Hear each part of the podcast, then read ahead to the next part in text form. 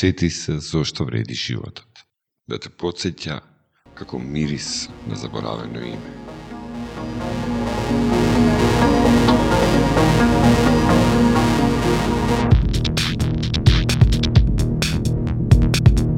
Само нежно кон себе.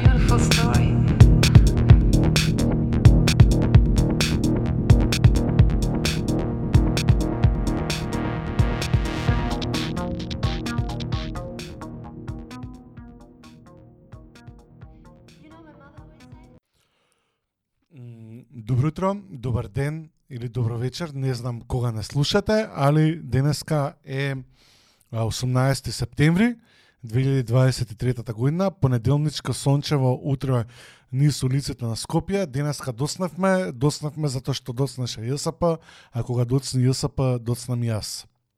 Ова е 82-та епизода на Celebrate Live подкаст. Денеска со мене е Кире. Ке се надевам дека ќе задржиме вашето внимание. Многу е битно да користиме јавен превоз, поготово во ваков загаден град како што е Скопје.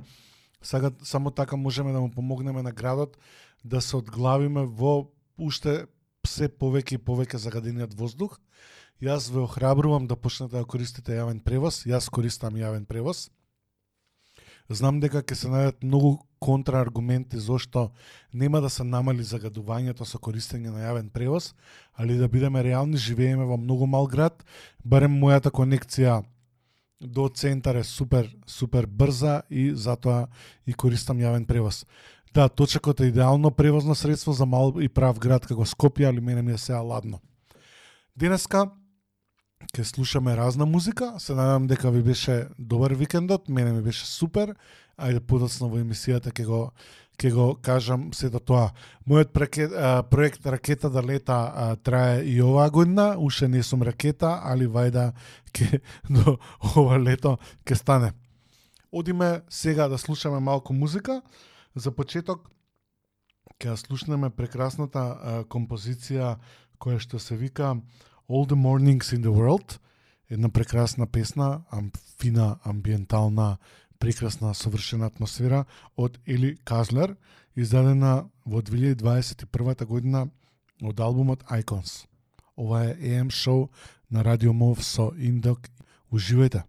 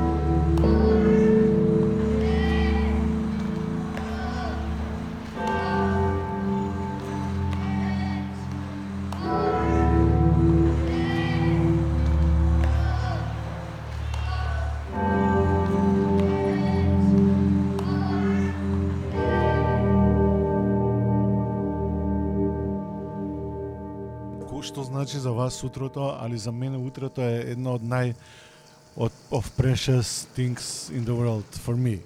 Или како ајде да се ќе се обидам да не зборувам многу со англицизми затоа што многу луѓе им ми замеруваат за тоа, али да, утрата се прекрасни, посебно кога се исполнети со сонце и чист воздух. Нема зборувам дека патував 50 минути, затоа што сепак одлуката да се користи јавен превоз и така како е битна, поготово во еден од најзагадените градови во светот Скопје. Скопје е нашата местоположба. Јас имам врталок со овој град, де го сакам, де го мразам, некои биполар моменти, али дефинитивно сум производ на градот и градот и така како ми значи. Утринската програма на Радио Мов се надевам дека ја слушате, дека пишете ми како сте вие утрово. Да, мислам се смеам сега како да живеам у Њујорк што сум патувал саат време, али нема врска. That's okay, као понеделник е, сите се собреке, сите патуваат, сите брзаат, сите се нервозни и тоа е сосема нормално. Беше ова добар викенд, јас се проведов супер, се надам дека и вие добро сте прошле за викендот отом потом што би рекле а, старите скопјани или познати како коке кошта то. Али Сега ќе слушнеме Луомо, мојот омилен артист. Едва чекам оваа плоча да ми пристигне. Албумот издан од 2003 The Present Lover. Песната е Visitor. Луомо е еден прекрасен артист и исто така работи музикат под псевдонимот Владислав Делеј До душа оддавна нема ништо направено ново. Ова е AM шоу со Индок во 82-та епизода. Се надевам дека го имам вашето внимание. Уживајте со Луомо и песната Visitor од албумот The Present Lover.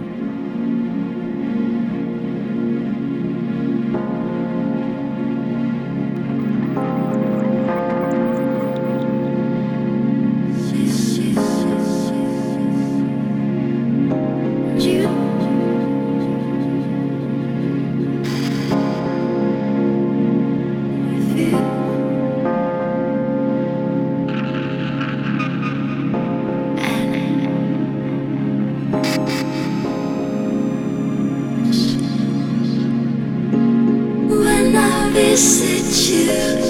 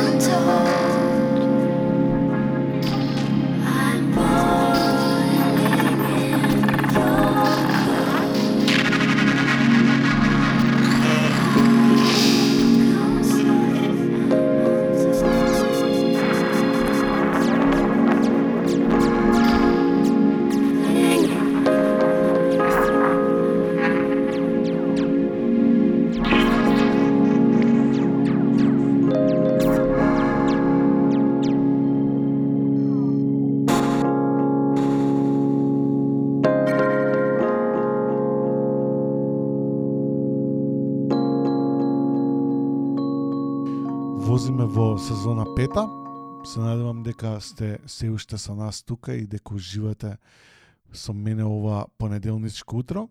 Се надевам дека е се окей со вас. Ќе одиме сега да слушаме Turnstile и едно прекрасно ново EP што излезе како е, продолжеток на на еден прекрасен нивни албум, New Heart Designs. Оваа песна е заедно, многу добро комбо ова. Turnstile заедно со Bad Bad Not Good и Blue Terence. Каква песна е ова, луѓе, ова е неверојатна. Alien Love Call се вика оваа песна. И потоа ќе слушнеме Сампа со песната Spirit 2.0 од албумот Лахај, исто издаден во 2023 година. Јас сум Индок, ова е AM Show.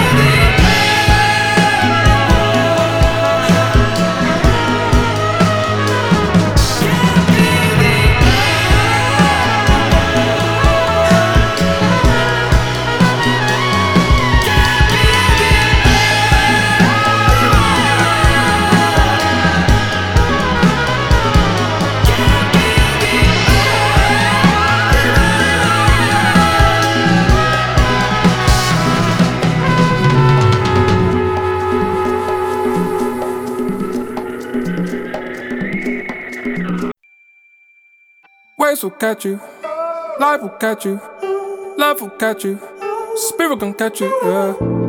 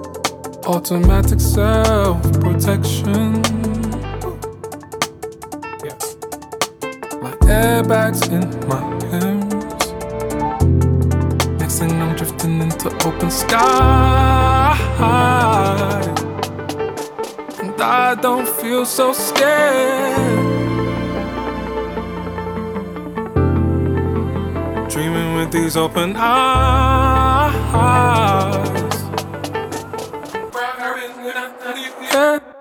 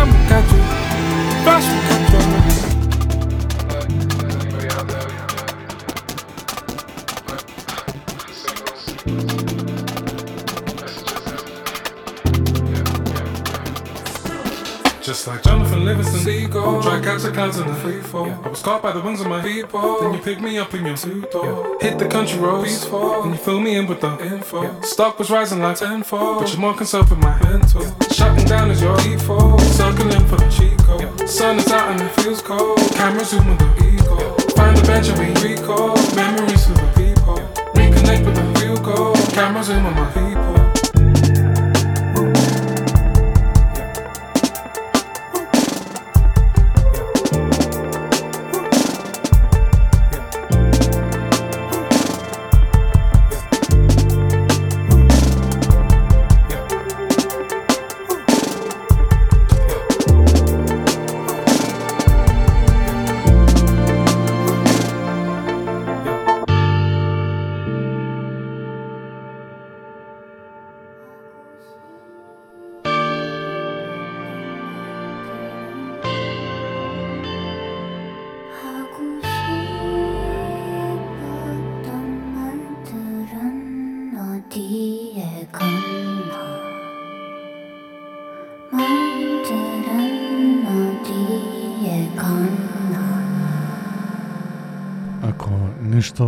Можеме да бираме во животот, ја би одбрал да е секогаш сончево и секогаш да да биде нека утро или периодот овој нешто од 5 до кај 1.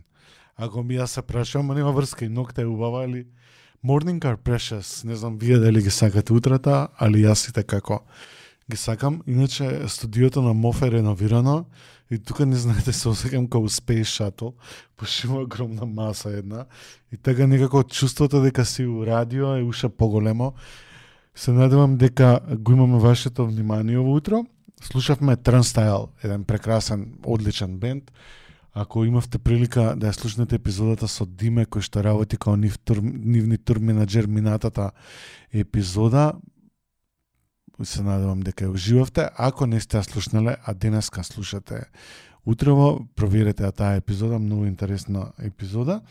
И после тоа го слушнавме Сампа со песната Spirit 2.0 од неговиот нов албум Лахај.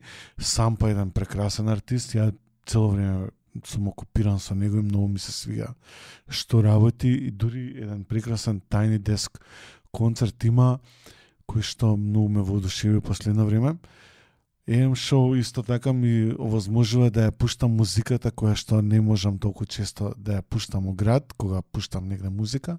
А кога сме кај пуштањето музика, у саботата беше една супер вечер во Бекаве. Фала на сите што бевте таму.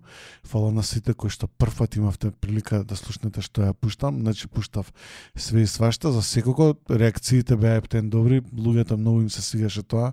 Фала на сите што игравте заедно со мене оваа вечер многу ми беше убаво, се надам дека ќе сретнеме повторно. Прилов ќе пуштам негде музика исто, така да фатете ме негде ако не сте имале прилика. Пуштање во музика или пуштањето плочи за мене е една прекрасна а, работа која што повторно ми роди кејф да ја правам. Фала им на исто на луѓето што ме букираат. Во саботата во БКВ имаше Sound Visual Therapy по повод третата година на терапија. Терапија е една платформа која што правеше стриминзи во корона, да, значи се што почнавме да правиме во корона, драго ми е се уште што постои како платформи, штета со, со тие платформи што сгаснаа после короната, али ета, ние сме се уште тука. Во саботата исто имавте прилика да ги видите и дел од моите дигитални принтови и слики од последната изложба во ЦУД. Во ЦУД беше една изложба која што ја создав изминатите три години. Го третирав објаснувањето на депресијата и како луѓето се чувствуваат кога се празни и кога излагаат од процесот на депресија и како се чувствуваат исполнето и се останато околу целиот тој процес депресијата, тагата и така како се дел од нашиот живот, не треба да ги негираме.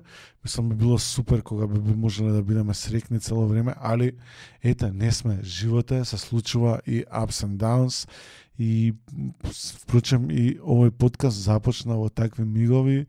Ако сте нови, извинете што може би ке ве разочарам или што може би ке предизвикам некаква емоција поразлична кај вас, али за тие што сте одамна тука, се надам дека сте окей и дека заедно проаѓаме низ секакви фази и срекни и весели. That's life, нели? Јас сум Индок. Ова утринско утро сончево имаме прилика да слушаме прекрасна музика, музика која што е различна од моето пуштање плочи каде што можете да ме слушнете. Таму пак е по денси, има и чил варијанти, зависи од просторот, али на утринска програма и така го пуштам чила од музика.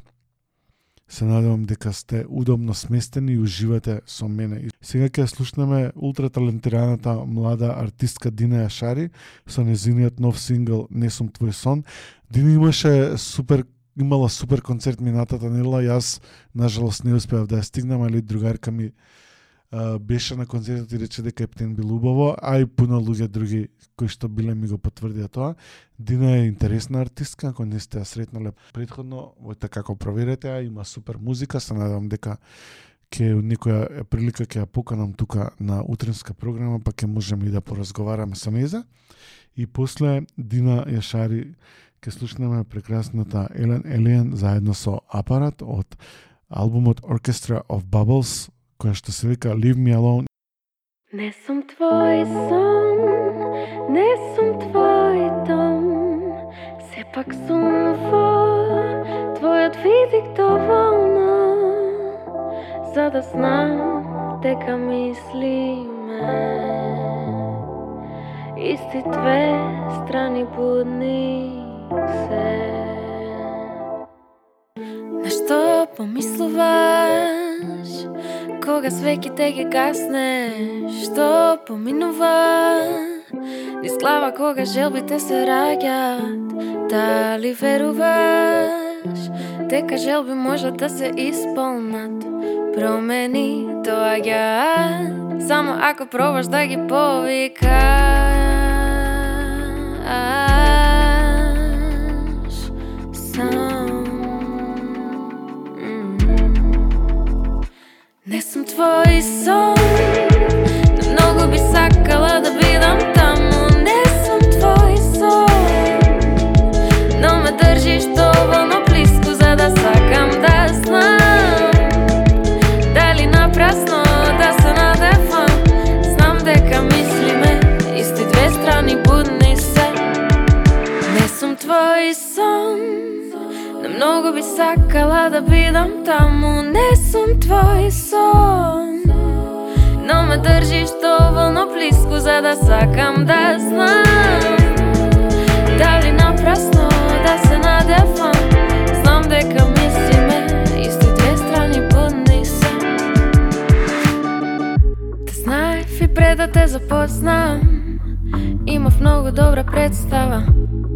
сите си молча ми покажа дека ме разбираш. Во глава си ми без да те поканам Под кожа ми се всели без да приметам. Цветови во боја порасна На местата сози кај што да паѓа.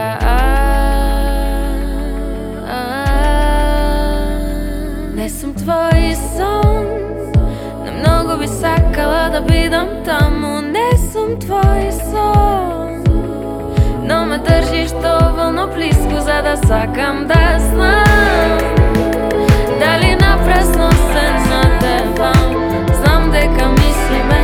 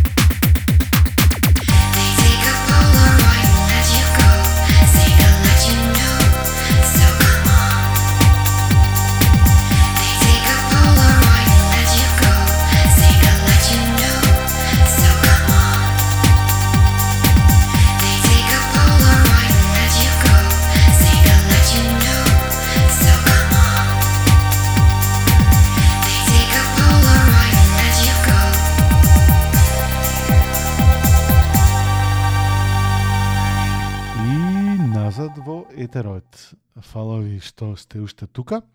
Имавме прилика да ја слушнеме Дина Шари со прекрасната Не сум твој сон, потоа фантастичната Елен Елиан и Апарат со песната Leave Me Alone од албумот Orchestra of Bubbles и потоа ги слушнавме фантастичното феминистичко електро диско панк клеш бенче Ледитрон со песната Seventeen.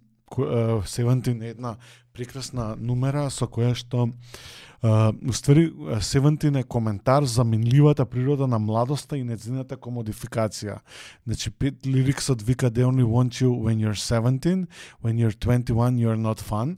Тука они го, го коментираат моментот на обсесивноста на индустријата со младоста, особено на тие возраст, поготово во манекенскиот свет и општо комплетноста на индустријата, затоа што продавањето бјути стандарди и ептен као е дел од обштеството и од маркетинг индустријата. Јас како човек во адвертайзингот, работејќи со годините така како сум ги доживал овие работа. И така како оваа песна го коментира циклусот за еднократната употреба на поединците во одредени цели во во во моделството, во манекенството, во адвертайзинг индустријата, прекрасна песна, прекрасна референца, прекрасна социјално ангажирана и активистичка песна. Леди Трон се еден лудило бенд, девојките се фантастични, штета што никогаш немав прилика да ги гледам уживо и да ги запознавам, али веројатно никогаш ќе има. И така како треба да ги дискутираме овие работи, поготово за минливоста на младата во младоста во општеството. Посебно јас сум згрозен кога млади луѓе се исто така комен, се бават со еджизам и со онако маловажување на некој кој колку години има или пак а, како како а, си даун ако си стар или не и се тоа ше врска нема познавам луѓе кои што и во своите 50 така како се млади и се чувствуваат младо и се чувствуваат добро.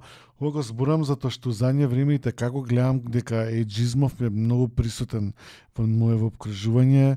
Мислам има како се- јас имам прилика да се дружам со супер кул луѓе и многу сум благодарен за енвајрментот во кој што живеам и функционирам, али гледам дека некои млади злобни луѓе и како се бават со тоа и ги девалвираат луѓето во години што и како не не треба тоа да се случува.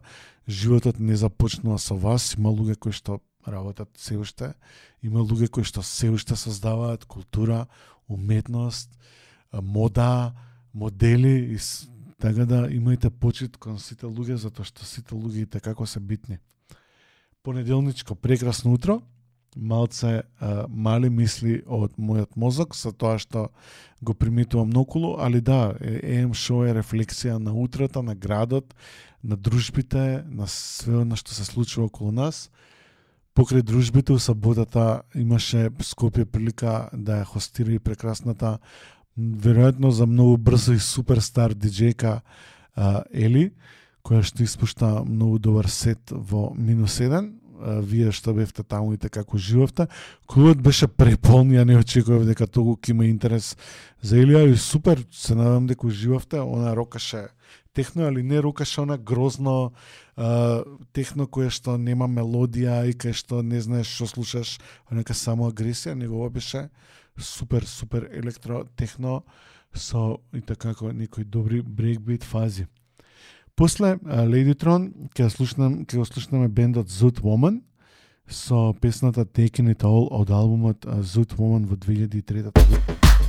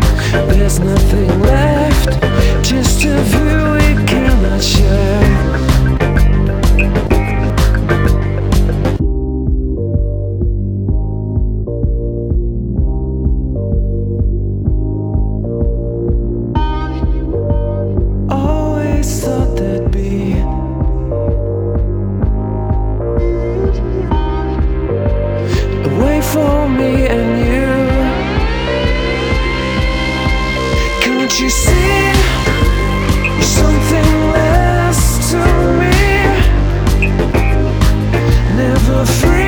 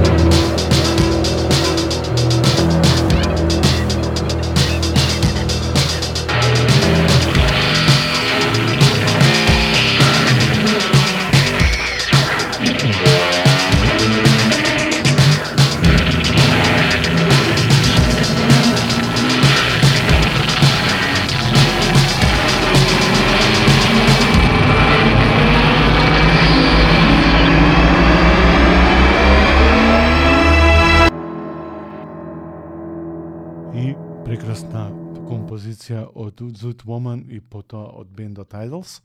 Idols е еден фантастичен британски бенд кој што ако не сте го слушнале до сега да ги да го проверите, имаат неколку албуми за себе, фантастично изгледаат на сцена, фантастичен перформанс прават, фантастични текстови има, зборуваат, пеат за социјалните теми, за темите кои што и така се битни помеѓу нас луѓето.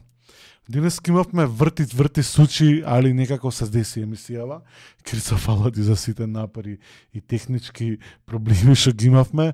ЈСП фала ти, ја не се откажувам да користам јавен превоз.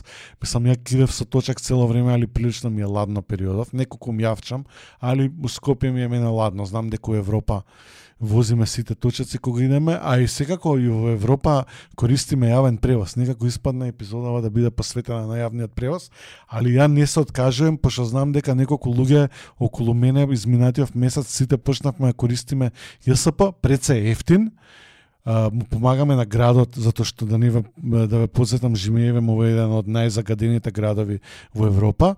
Скопје какво и да е, да, секогаш е у котлина, било загадено и 80 и 70 али сега е енормно загадено, али не гледам а, момент како да му помогнеме освенете, да допринесеме некако на еден начин да користиме јавен превоз. Знам дека за сето ова ќе најдете аргументи дека јавниот превоз не му помагал или дека загадувањето од колите и т.н., али ајде да бидеме реални и да бидеме свесни за да му помогнеме на нашиот град колку толку да функционира подобро.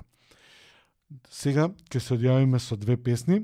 А, ќе слушнеме Кај Торнада, леле лудило е оваа песна, со песната Стантин Fit Channel Trees од Lower, uh, Lower Friend издадено во 2023 е ова EP и постоја ќе се одјавиме со чудово на нашава а, моментална сцена, фантастичен продуцент и диџеј и артист, исто дечко е на Мокси, ја така го викам, фантастичниот Леон Вайнхал со неговата песна Duo Fate, издадена ова 2023 Слушавме различна музика, имавме а, различни а, искажувања за ова утро. Ако сте on forever on vacation, ви посакувам да ви се оствари тоа да никогаш да не се вратите и на daily life, а ако не, вие со работните уврски држите цврсто и полетуваме во една нова седмица. Јас сум Индок, фатете ме некаде кај што пуштам плочи, уште еднаш благодарност до сите што игравте со мене оваа сабота. Се слушаме во наредниот понеделник. Јас сум Индок, бидете добри, грижете се за себе, грижете се за луѓето околу вас, живееме во заебано време, али да можеме да се помогнеме некако. И не заборавајте, само нежно кон себе. Ај, чао! Mm.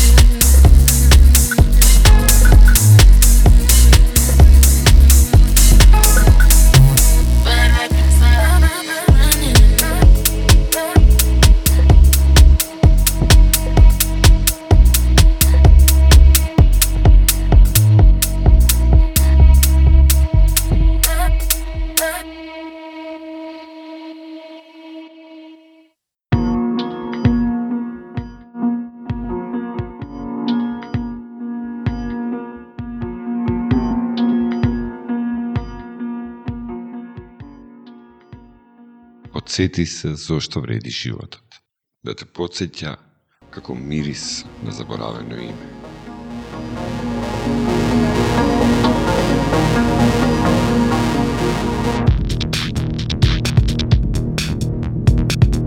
Само нежно кон себе.